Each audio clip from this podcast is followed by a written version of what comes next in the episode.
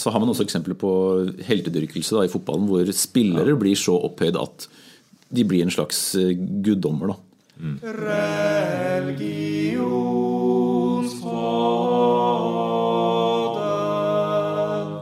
Ja, hei. Velkommen til religionspodden. Eh, hvis du har eh, kommet deg gjennom introen, så har du også kommet fram til selve programmet. Og velkommen til deg og deg. Takk for det. Takk. Er det oss du, For det var ikke lytterne nå? Nå er det oss. Ja, det kan jo være lytterne nå. Okay. De, de to. De to, ja. Så eh, i dag skal vi prøve å finne svaret på hva religion er. Verken mer eller mindre. Eh, for det er jo tilsynelatende veldig enkelt, men også vanskelig. Så hvem er vi? Hvem er du? Nå ser jeg på deg. Ja, jo, jeg er eh, Chris, og eh, jeg er religionslærer. Du er religionslærer. Ja. Og hvem er du? Jeg er Hans, og er også religionslærer.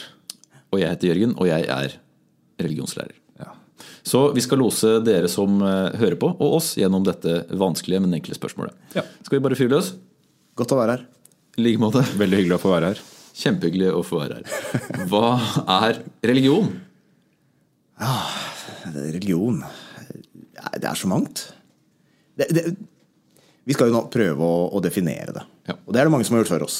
Ja, så vi skal, ikke, vi skal ikke finne opp kruttet, Nei. Det skal være når det smeller, da. Vi skal bare sette fyr på det. Jeg snakka, jeg snakka med en elev for ikke så lenge siden som mente det at, at det vil være altså han, han sa det i en diskusjon at det egentlig, i hvert fall i dagens samfunn, da, kanskje er helt umulig å definere religion så lenge det er noe som er individuelt for hvert eneste individ som tror på noe. Og det er jo for så vidt sant i den postmoderne virkelighetsforståelsen. For sånn, der eh, all sannhet er eh, relativt, så vil jo også religion være noe som er kjempeindividuelt å definere for hvert eneste menneske som tror på noe. Ikke sant? Men folk, folk har jo prøvd. Folk har prøvd. Det er, jo, det er jo selve sporten i religionsfaget, det er å definere religion. Ja, hvorfor må man definere det? Det er jo det er en fordel, da. Hvis man skal bruke tid på å finne ut hva det er, så må man jo finne ut hva man skal lete etter. ja, det, legger jo, det legger jo premissene for hva man skal finne ut av. Ja, Man må jo systematisere stoff man driver med. Det er liksom all forskning innenfor humaniora og andre fagfelt. Jeg, jeg pleier å sammenligne det med liksom behovet historikerne har for å dele inn eh, tida i perioder. Det hjelper jo liksom når du skal studere noe, at du har Ikke sant? Det, er, for å systematisere. Hvis ikke så blir alt eh, bare detaljer. Du, må, du må ha et eller annet eh, å forholde deg til, da, et system. Så hva har de lærde før oss sagt? Det har, jo, det har jo dukket opp noen ulike måter å definere det på. Skal vi starte med de substansielle? Ja. Forklare ordet først. Vi kan smake litt på det ordet. Ja. Substans. Substans, hva noe er? Ja, Det har noe med innhold å gjøre. Altså essensen eller substansen. essens, ja. Ja, substansen i noe. Eh, og, det, og det handler jo om, altså, om hva religion er som konsept. Hva som fyller religionen. Så hvis religion var en kake, så var eh, ingrediensene Ja. substansen. Mens, som vi kan se etterpå, eh, hva kaken gjør med oss som spiser den, er, er en annen type definisjon, men det kan vi komme tilbake til. Da. Ja. For et lite frempek der. Så ja, hva, hva kan et eksempel på en sånn eh, definisjon være, da? Nei, det er f.eks. Edward Tylers definisjon, troen på åndelige vesener. Ja. Det er en enkel definisjon. Ja, men som, som kan dekke veldig mange religioner, da, ikke sant? Når man eh, tror på en guddommelig kraft. For det kan være et åndelig vesen. En guddom er en åndelig vesen. Det som er interessant her, er at han da velger å ikke si f.eks. troen på guder. Ja. For hvorfor ville det vært begrensende? Det, Spørsmålstegn. ja. Det fins jo, jo religioner som ikke nødvendigvis definerer, eh, definerer en, en overnaturlig En, altså en, en allmektig gud, kanskje? Ja, Det fins religioner uten, ja, uten guder. Da, sånn at en del, en del av de religionsdefinisjonene som baserer seg på at det er en gud man tror på, de begrenser seg ofte til, eh, til noen av religionene. Særlig de som sier troen på én gud, det begrenser seg jo særlig til liksom de, de semittiske religionene, altså jødedommen, islam og kristendommen, og de andre litt mindre semittiske religionene. Eh, mens politistiske religioner, altså religioner med flere guder, ekskluderes jo da fra en sånn definisjon. Ja, for da er det, det er litt sånn på flere åndelige vesener. Ja. Eh, og man, mange, eller noen, kan jo også være tilhengere av religioner hvor guder ikke er viktige i det hele tatt. Eller hvor det ikke finnes guder. Ja, Buddhismen er en sånn religion der gudene har en helt annen funksjon eller rolle. Eh, Men åndelige vesener vil jo kunne dekke. Ja. Og, det, og, Litt avhengig av hvordan du definerer åndelig og vesen. Absolutt. Og, det, og, buddhismen eh, utelukker jo ikke guders eksistens. De Nei. bare inkluderer dem i en eller annen form for kosmologi. Da. Ja, ikke, ikke, som, eh, ikke som skaperkraft bak verden, sånn som man ser på Nei, og sagt, sagt på en annen måte altså, Gud. Hvis definisjonen er troen på åndelige vesener, så er ikke det det sentrale ved buddhismen. Nei. Så, så hvis du er buddhist, så er ikke det som definerer religionen først og fremst. Nei. Det er bare en del av det. Ja. Men det vil si at den definisjonen til Tyler, troen på åndelige vesener, er en relativt vid definisjon. Som kan favne ganske ja, vidt av. Mm. Hvordan, hvordan utelukker det f.eks. Uh, hvis jeg skal se fra et ikke-troende perspektiv? da, Spøkelser? Nei, det gjør jo ikke nødvendigvis det. Eh, og fra et ut, altså, hvis du ser det uten å være religiøs, knytta til noen spesiell religion, så vil man jo kunne påstå at Nissen? ja, at uh, troen på spøkelser, gjenferd, overnaturlige vesener egentlig ikke er noe annerledes enn å tro på en gud. Eh, men fra et innenfra-perspektiv, er sånn, hvis du f.eks. er muslim, da, så vil du jo kanskje skille mellom troen på det som er interessant der, du vil kanskje skille mellom troen på spøkelser i sånn folkelig forstand, mens du vil fremdeles tro på djinner og ånder innafor det religiøse troen. da. Og de fleste religiøse vil jo være enige om at å tro på nissen ikke er det samme som å tro på Gud. Selv om begge kan på sett og vis kobles til noe åndelig. da. Jeg ble jo skremt med nissen. Det var jo sånn jeg lærte om nissen. Altså man ble skremt med Hvis ikke du er snill, så kommer nissen og tar deg. Ja, det det, det tror jeg er vanlig for barn. At det er det man lærer. Eh, Det var det jeg lærte, i hvert fall. Eh, En, en gammel mann som gir deg godteri eller Ja. pakker. Ja. Kan skjønne det. Ja, ja. ja. Men, eh, så dette er en slags typisk substansiell. da. Den Den sier noe om hva religionen inneholder. Og et annet, en annen sånn en eh, er for det er greit å nevne ham, fordi det man for å ta litt som faghistorie her, så ser vi hvordan eh, hele behovet for å studere religion eh, i stor grad vokser fram liksom andre halvdel av 1800-tallet. eh, I sammenheng gjerne med sosiologi. At det er liksom en, en del innafor sosiologiforskninga, altså religionssosiologi. Når man studerer religion også som et sosialt fenomen. Da. Men en forsker som heter Emil Durkheim eh, kalte det for et forent system av tro og praksis knyttet opp mot noe hellig. Og Her er det også her er en, litt, en kanskje litt mer konkret definisjon. Men der eh, han, han får inn måte, både det man tror på, den praksisen som er i religionen. For det har jo Tyler oversett, eller ikke tatt med. Han legger vekt på bare troen. Men religion er mer enn tro. Det er også handlinger du utfører. Så det er noe du gjør. Ja, og sammen. der kommer du inn på det sosiale, ikke sant? fordi det er noe du gjør sammen med andre, gjerne. Eh, Men det er knytta opp mot da det hellige. Og dette her, eh, dette her ser vi vokse fram eh, fra andre alder av 1800-tallet utover. Så begynner man å definere det. Bare for å skyte inn det. da. Ja. På den andre siden så kan vi jo trekke frem de eh, funksjonelle eh, definisjonene, som sier noe om hva religionen gjør. Altså hvilken funksjon den har for kanskje den enkelte troende, men også i samfunnet for øvrig. da. Sånn som vi snakka om sjokoladefyll i kaka, er substansen. i Religionen som kake er. Og Men hvis kaken gir deg velvære velvære eller metthet, eller eventuelt innimellom skam, for du har spist så mye av det, som også kan dukke opp i religiøse forestillinger, så er, eh, så er jo da det funksjonen til kaka, og funksjonen til religion er hva? Ja, og også Kakas funksjon kan jo også være sosial. Altså, det er jo, mm, det, skammen vil jo øke hvis du sitter og spiser en kake alene. Men hvis du deler den med andre, så vil den jo kunne ha en eller annen sosial, eh, eh, sosial funksjon. da. hva, hva er den kaka du kan spise som gir minst skam å spise alene? Eh, ikke napoleonskake, Ikke napoleonskake. Eh, brownie, tenker jeg. Den er så vanlig. Kan du spise alene, ja. Den, for den er så, du kjøper dem i stykker. Muffin? Muffin? Muffins? Kan konfekt defineres som kake? Nei. Konfektkake. Twist. Ah, Hvor det går var en- grensa? Det var en vri. Morsomt. Eh, takk. Men eh, ja, eh, har du et eksempel på en sånn Hva er den mest eh, religiøse kaka? mest religiøse kaka? Kransekake? Kanskje gransekake? Rosenkransekake? Ja. Jeg tenker fyrstekake, da, men det er kanskje bare fordi det er gamle folk i bedehusmiljøet som spiser det. Så lenge det er tørt. Tørt og skamfullt. Tørt og skamfullt å drikkes med kaffe fra hvite kanner. Ja, dette er jo et slags sidespor. eh, og Det, si. det liker vi. Det blir det Men- blir det garantert mer av. Vi Som kake så gir religion trøst og mening med livet, f.eks. Det er en funksjonell definisjon. Ja. Religion er trøst, gir trøst og mening med livet, eller religion fyller opp sosiale behov. Du- Og så kan man selvfølgelig kombinere altså religion er troen på åndelige vesener som Uh, Som gir deg trøst og mening ja, f.eks. at du trenger ikke å begrense deg når du definerer det. Heldigvis. Og det er jo et greit poeng hvis man skal studere religion uansett nivå, er at man trenger ikke å begrense seg til å forholde seg til enten en funksjonell eller, eller substansiell definisjon. Man kan kombinere de her og, og få inn så mange aspekter ved religion som mulig. da. Ja. noen, noen trekker frem at det, det gir mening og helhet i, i samfunnet for øvrig. Ikke sant? Hvis vi trekker frem eh, Peter L. Berger, som peker på at religion trekker en hellig himmelhvelving over samfunnet og gir virkeligheten mening og sammenheng. Så, eh, så knyttes det jo veldig til en, til en funksjon, altså det å skape mening for mennesket. Både for individ og samfunn. ikke sant? Og, det, og, at det setter ting kanskje i Det bidrar til å skape strukturer, samhold.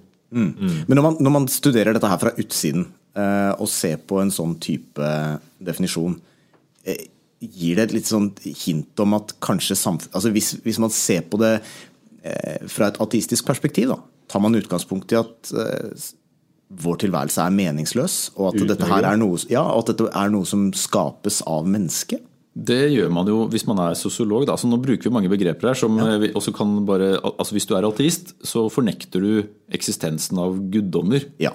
Og det har i hvert fall ikke noen viktig funksjon i livet ditt. Men eh, da sier du kanskje også noe med hvilket ståsted du har med tanke på religion. Og da vil jo religionen kunne defineres ut ifra det. Ja. Eh, Så hvis du er på utsiden og sier noe om funksjonen, så er det kanskje ikke så viktig for deg om, troen, om det finnes en gud i det hele tatt. Da er det bare det sosiale aspektet, eller hva menneskene gjør sammen, som definerer hva religion er. Ja. Eh, Men på den altså, Alle religionsdefinisjoner har- jo styrker og svakheter. Og vi har sett at en substansiell kan bli veldig vid. Eller kan også bli veldig snever. Veldig smal, men det samme gjelder jo funksjonelle. Den kan bli kjempevid. Fordi hvis, hvis det er noe som Hvis eh, troen Eller hvis det er fellesskapet som er det sentrale, så kan jo det være noe helt annet. Det kan være fotballaget. Eller politikk, ikke Eller, minst. eller korpset, kanskje. Ja, ja. Eller er det der? Jo, jo korpset.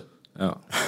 Selv om det ikke har noen funksjon. Eh, Men hvis du ser på Du ser jo på eh, en del politiske ideologier som har veldig mye eh, fellesskapstrekk. Altså særlig på en måte kommunistisk ideologi, f.eks. Mm. Er veldig knytta opp mot ja, fellesskapet. da. Hvordan, hvor nærme det ligger religion hvis du definerer det som funksjonelt. Eh, Delvis også faktisk substansielt, hvis du velger å se kommunismen som at de, på en måte setter konseptet om arbeiderens fellesskap høyere enn enkeltindividet, så er det jo et eller annet tro på noe overmenneskelig der òg, nesten. Ikke sant? Du opphøyer eh, det som et slags ideal som du tror på. Og det, som er problem, og det er problemet med alle definisjonene, at du, du kan risikere å, å gjøre dem så vide at de ikke bare favner all religion, men også en del andre konsept, sånn som ideologi, fotball, eh, russegrupper og eh, bridgeklubber. Ja. Men vil det ikke da være sånn at den ene definisjonen ikke vil fungere godt nok uten den andre? Altså at de i kombinasjon gir oss en bedre forståelse av hva fenomenet religion er. Ja, og det er jo, altså, Hvis man tenker sånn helt ufaglig på det, så vil de fleste reflektere seg fram til at den religionen har på en måte både innhold og funksjon. Og da vil det være unaturlig å bare velge én av de sidene å definere det ved. Ja. Eh, Så en kombinasjon er ofte en god ting. Du, du nevnte jo en slags kombinasjon av Durkheim her. og eh, altså At det er en, Ja, sånn, ja. et fellesskap eh, og, og troen på noe. Da nærmer man seg en litt bredere forståelse. da. Ja. Eh, men det fins andre måter òg. ja, det gjør jo det. Man kan jo trekke frem Ninjen Smart, Ja. eh, en religionsforsker, som, eh, som var velger lur. Han var lur. er liksom smart. Han, han velger også å gå løs på, på øh, religion ved å se på de ulike sidene av religion, og dermed eh, trekke frem det han kaller for syv dimensjoner man bør se på. Dimensjon her da forstått bare som en side ved noe. Ja. Ja, og hva kan en sånn side være? Det kan være den rituelle dimensjonen. Eh, altså handlinger man gjør. Eh, religiøse handlinger. F.eks. å be. Å be. Ja, pilegrimsreiser. Eh, Meditasjon. meditasjon. Alt dette er sider ved religiøs praksis. Utøvelse av religiøs praksis. Ja. Andre sider?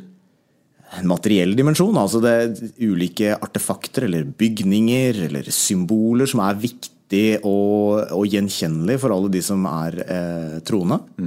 ja. Så er det en sosial dimensjon. da. Alle disse ritualene gjerne gjøres jo ofte sammen med andre. Ikke bare, men ofte. Hvis du ber, så gjør du det f.eks. hvis du er muslim, så har du fredagsbønn. Ja, eksempel. Eller at du, er på, du samles til gudstjeneste. Ja. Eh, Feirer gudstjeneste da, sammen med andre, eller du um, læres opp i meditasjon og, Ja. og så videre av en zen-mester, f.eks. Mm. Men at du, at du har at det er noe som skjer i møte med andre mennesker, da, at du, du har noe felles der. Ja. Der, der kommer jo også opplevelsesdimensjonen inn. Ja, for det er nok en side. Ikke sant? Det, det, det er litt nyanse mellom den sosiale, altså hva skjer mellom eh, de troende, og også hva opplever kanskje den enkelte troende, men, men også en gruppe sammen i en, i en religiøs eh, Ja, kontekst. og du opplever kanskje du kan hende du opplever det sterkere sammen med andre. Det er litt som å en parallell her er litt som å dra på standup. Veldig mye av det er morsomt så lenge du er sammen med andre. Mm. Ser du det aleine, så er det ikke gøy. Du ler ikke når du ser på standup hjemmefra på TV. Ja, Eh, Men du mm. ler når, du, når andre ler rundt deg, og det er litt sånn som kanskje med religion. Altså du får en åndelig, i hvert fall hvis du ser det fra, fra utsida, det er en åndelig opplevelse sammen med andre mennesker. Mm. Bli blir sterkere enn en alene. Noen kan også kanskje oppleve det motsatt. F.eks. jeg. Når folk skal vise meg noe morsomt, så, så føler jeg meg tvunget til å le, og da ler jeg ikke. Kan, kan, så noen kan nok også trives med den, Ja, ja. den enslige, det enslige perspektivet. Kanskje, Ja, for F.eks. meditasjon. da, er noe man kanskje mange foretrekker å gjøre alene. Ja. Eller, eh, Men, men veldig mange også snakker om at selv den måte, introspeksjonen som skjer i eh, meditasjon, altså det at du ser innover på deg selv, forsterkes i samhandling med andre. Så, så, så her tror jeg nok det er en del sånne eh, subjektive erfaringer. da, eh, ikke sant? Du foretrekker kanskje alene, og, da, og da, da er det jo litt den her med kanskje den der personlige opplevelsen av det guddommelige. Altså den følelsen av å bli frelst. Den kan, altså den kan dukke opp både alene, men også i fellesskap.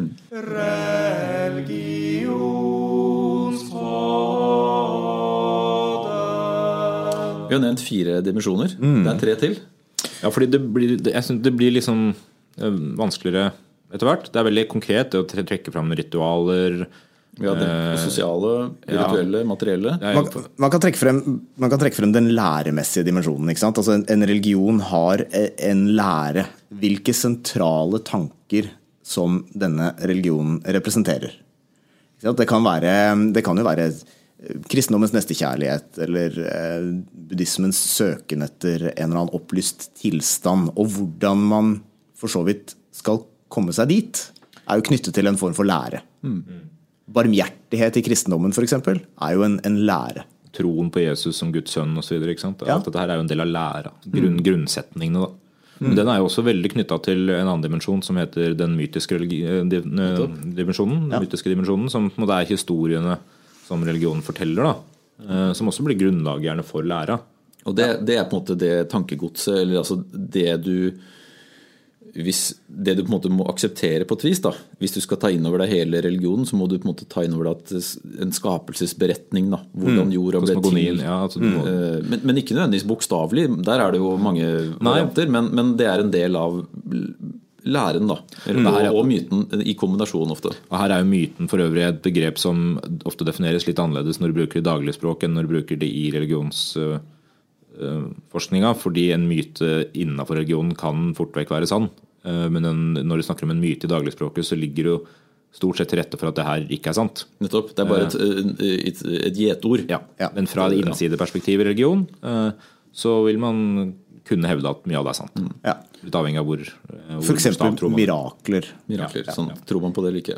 Vi ja. Ut ifra den mytiske og den læremessige dimensjonen så kan man jo også komme frem til den syvende og siste, da, og det er den etiske dimensjonen. For ut ifra lære og myter så kan man jo hente ut etiske prinsipper man skal forholde seg til. Du nevnte nestekjærlighetsprinsippet Ja. i kristendommen, som også er en del av etikken. ikke sant? Det er noe du skal, Etikken som da bestemmer hvordan det er rett å handle i møte med andre mennesker, eh, er jo da, og for så vidt i møte med Gud, vil jo da hentes ut av læra og av mytene. Ja, hva ser- gjorde. Jesus, og hva sa Jesus at vi skulle gjøre? liksom? Her ser vi også noe som er typisk med disse dimensjonene. Altså man, prøver å, man har en slags farvepalett hvor man forsøker å beskrive de forskjellige sidene, men mange av dem går i hverandre. Det sosiale går ofte sammen med de rituelle. Eh, Læren kan gå sammen med mytene, og etikken kan gå sammen med læren osv. Det er noen ganger litt vanskelig å skille de fra hverandre. Mm. Men det trenger ikke å være noe negativt. Man ser også at ting kan ha flere sider. da. Ja. Men sånn som i system så har jo det her noen fordeler, da, i motsetning til Eller som man kanskje eh, forenkler systemet litt kontra de substansielle og funksjonelle, som kanskje blir mer bundet. At det er lettere for å sammenligne konsepter innenfor forskjellige religioner her. Eh, Det er, det er lett å studere religion systematisk. Når du deler opp religionene, på en måte. Og så, så, så ser man jo for seg at Smart var, var inne på noe når han mente at alle religioner har et preg av alle disse dimensjonene. Det er vanskelig å ikke finne igjen uh, disse her i alle religioner. De fleste religioner har f.eks. regler hvordan du Ja. skal leve livet ditt. Eller hvordan du bør leve livet ditt. Eller, Ja. opp, og det, uh, det spenner jo mellom, eh, mellom absolutte regler ja. og, og oppfordringer. Fra dogmer til normer, liksom. Retningslinjer. Ja. Ikke sant? Og, så, og der er religioner veldig forskjellige. Men de fleste har en eller annen form for uh, etisk retningslinje. Ja. Men alle disse her dimensjonene, eller i hvert fall mange av dem, kan du jo også bruke til å definere andre ting enn religion. Uh, Fordi du, du finner jo ritualer og Ja, la, oss bruke, lære la oss prøve fotball, da. Ja, ikke sant? En, ok, Hvis du begynner med den rituelle dimensjonen i fotball, det, eller altså, gjerne fotballsupportere, da, så har du jo ritualer der. ikke sant? Du, jubelrop er et rituale. Du, du synger sjanger. Synger sjanger, ja. Og det er jo også en del av det materielle. Så Du har eh, skjerf og drakter osv. Ja. Man møtes og tar en, kanskje en øl før kampen.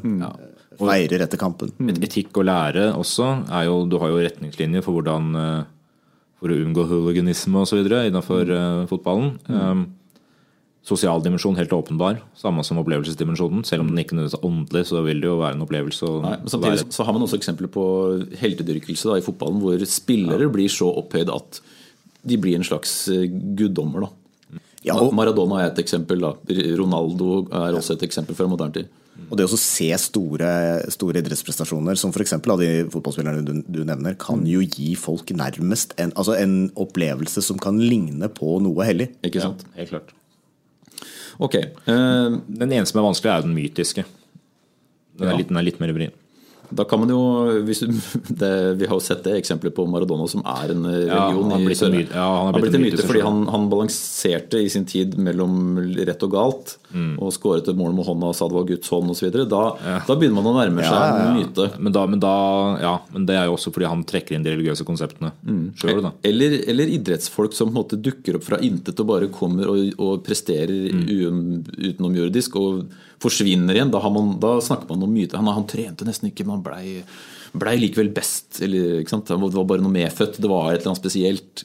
Kanskje man nærmer seg en slags ja. Hvis vi går tilbake til, den, til det som vi vet er religion, da, hva, er den, hva er den vanskeligste dimensjonen å forholde seg til hvis du studerer dette her? Jeg tenker på opplevelse. Hva var det jeg tenkte på? Så er det flaks at du sa det. Altså. Så da er vi kanskje inne på noe her. fordi mm, da kan vi jo trekke inn det siste konseptet som vi tenkte vi skulle trekke om i dag. Som vi har vært innom, altså fra innsiden eller utsiden. Mm. Det definerer er du religiøs eller ikke.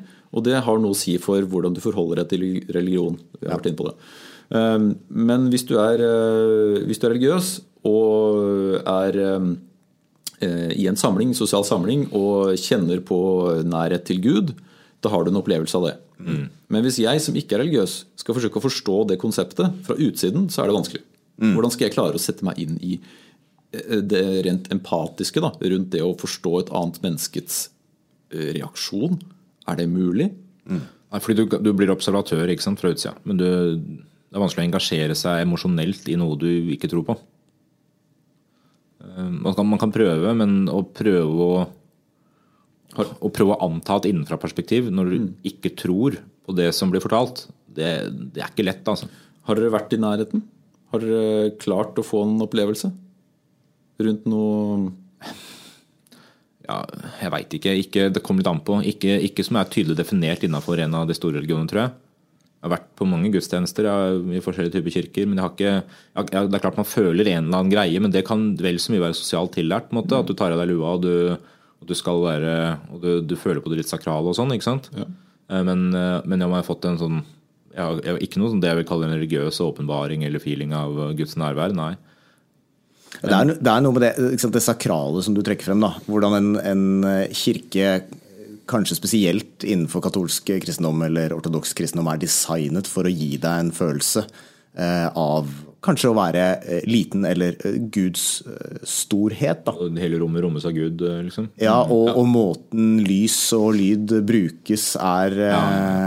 er liksom designa for å gi deg en, en spesiell opplevelse. Mm. måten jeg beskriver dette her på, er jo i veldig stor grad en, et utenfra-perspektiv. Ja, Fordi jeg bruker ord som design, jeg bru, nærmest som at dette her er eh, lagt opp for å lure deg litt inn i en eller annen spesiell opplevelse. Ja, ikke sant? Samtidig så ser man jo eksempler på det hvis man skal gå litt tilbake i tid og se på eh, de såkalte naturreligionene. Hvis du skal eh, nå en eller annen form for kontakt med åndelige vesener i naturen, altså så har man, hvis du er sjaman da, fra, fra, gamle, fra litt eldre typer religioner som ikke er så organisert, så, så kan man ta rusmidler for å komme i kontakt med en eller annen annen verden. Det ser man masse eksempler på. i Det er altfor li, alt for lite av det i norske, i den norske kirke. Altfor lite. Så da, da nærmer man seg kanskje det er, det er en praktisk løsning på, en måte, på å nå en eller annen opphøyd virkelighet, kanskje? Absolutt, og det, men det ser man jo også i, eh, i Hvis man utelater rusmidlene da, og så går over til mer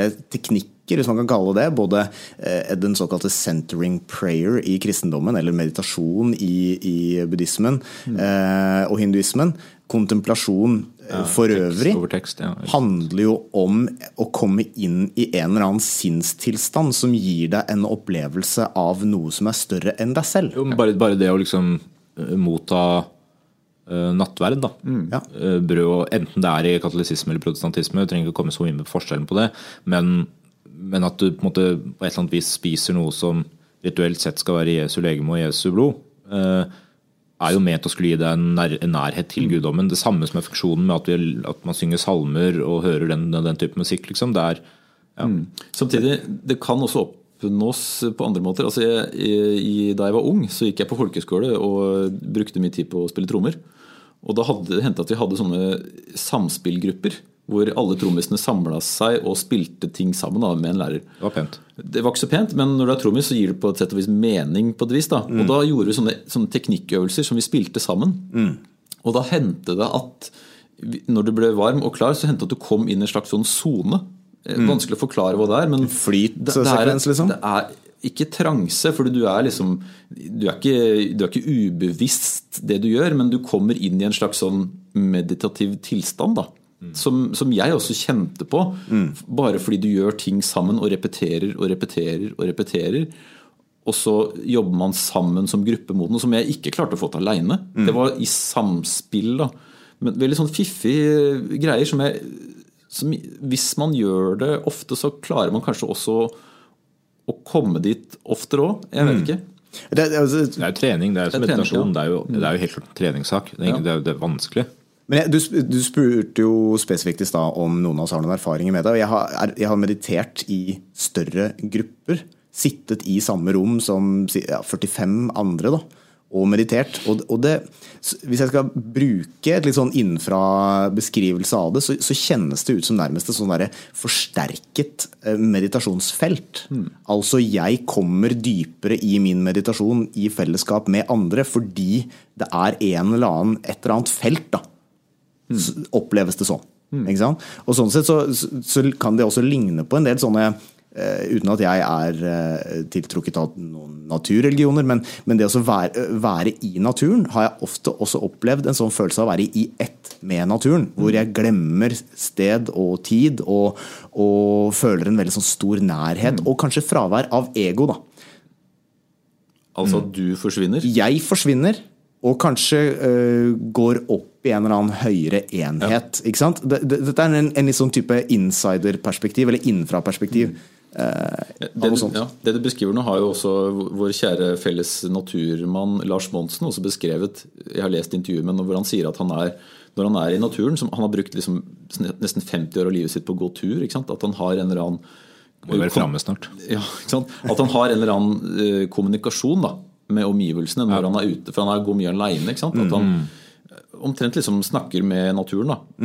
Om, om det er gjennom eh, aktiv tale, eller om det er gjennom bare forståelse eller gjensidig respekt. eller Det er en eller annen connection der da, som du får etter å ha brukt så mye tid. Jeg, Ja, altså jeg, jeg er av natur ganske nysgjerrig type og har testa ut en del forskjellige eh, rare ting, vil kanskje enkelte si. Men jeg har, jeg har også testa ut en, eh, en bønn sammen med andre. Altså å si en bønn høyt eh, i nærvær av andre til en ikke-spesifisert guddom. Altså mer en sånn derre eh, en, en eller annen bønn til et eller annet stort mysterium som vi ikke kan plassere i et religionssystem. Da.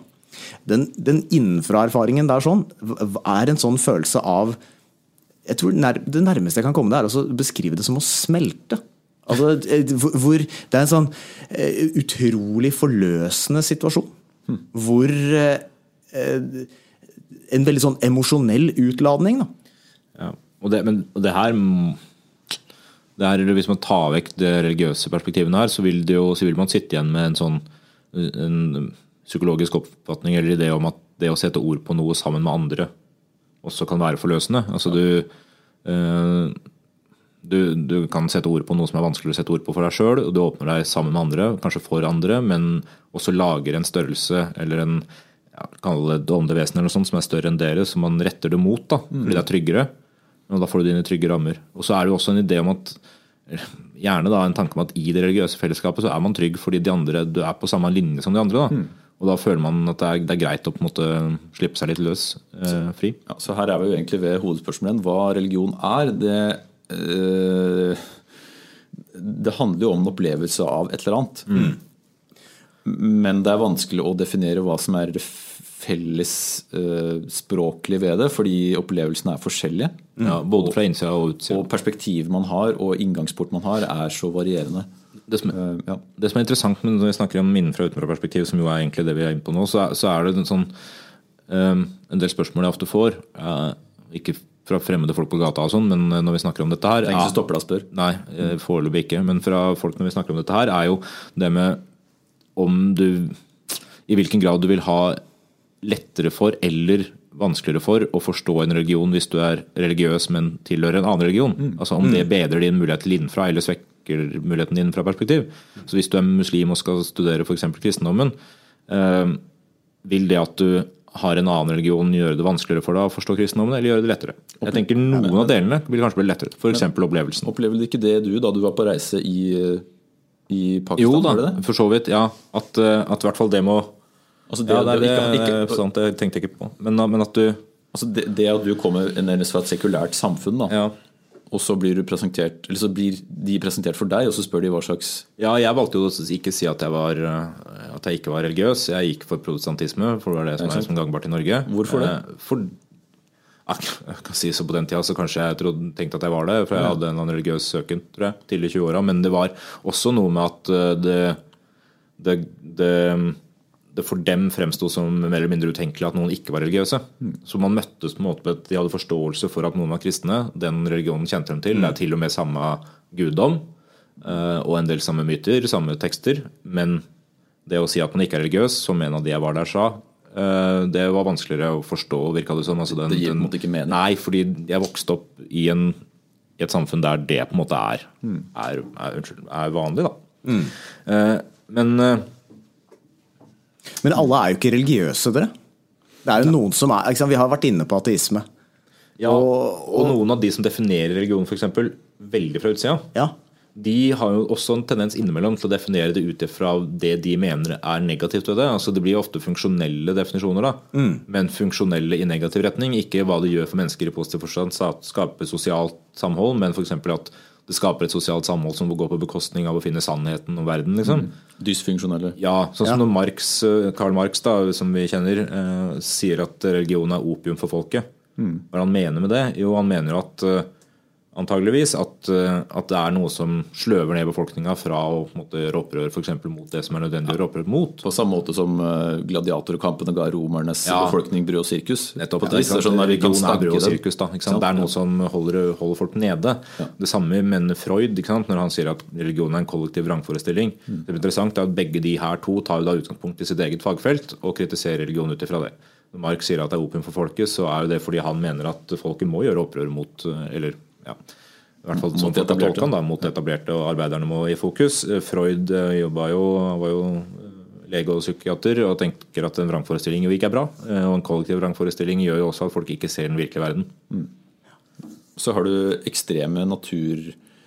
eh, nei, nå skal jeg si naturfilosofer, det blir ikke riktig, men uh, realister, da. Ja, som Dawkins. reduksjonister. Ja, reduksjonister som Ja, Richard Dawkins, Dawkins, som, som eksempel, på en måte ikke anerkjenner religion som konsept, nærmest. Som, som sier at det er, det er en slags vrangforestilling. Da. Han følger jo nesten Freud i den tankegangen. Ja, og han ekskluderer vel også for så vidt studiet av religion, fordi du studerer noe han mener ikke fins. Det, er, det er helt meningsløst. Det er bare Og, det er og det som er interessant da, er jo selvfølgelig at han kan godt gi inn fra et utenfra perspektiv, kan du gi inn rett i at religionen i seg sjøl som Altså det innholdet i religionen ikke nødvendigvis trenger å stemme, det, men, men religionen fins jo som konsept i samfunnet. Og det har påvirka samfunnet, både negativt og positivt. eh, som vi sikkert kommer til å kunne snakke om i senere episoder. Men at det da er noe som kan være verdt å studere fra et sosialt perspektiv, er jo åpenbart. Det er litt som å si at det er ikke noe vits å studere litteratur, fordi det er jo fiktivt. Hvis man ikke studerer det, så kommer det heller ikke til å bli skrevet. Det er jo noe som gir verdi, eller har verdi og gir mening for mennesker. Ja, På samme måte som man kan hevde da at hvis religion ikke er et fenomen som fortjener å bli studert, eh, i kraft av at det ikke eksisterer i, i, i essens, så kan man jo si at da skal vi ikke studere økonomi, da. For penger eksisterer jo ikke i, i sin essens. Altså, Det er det, er en kollektiv enighet om at penger eksisterer og har en verdi.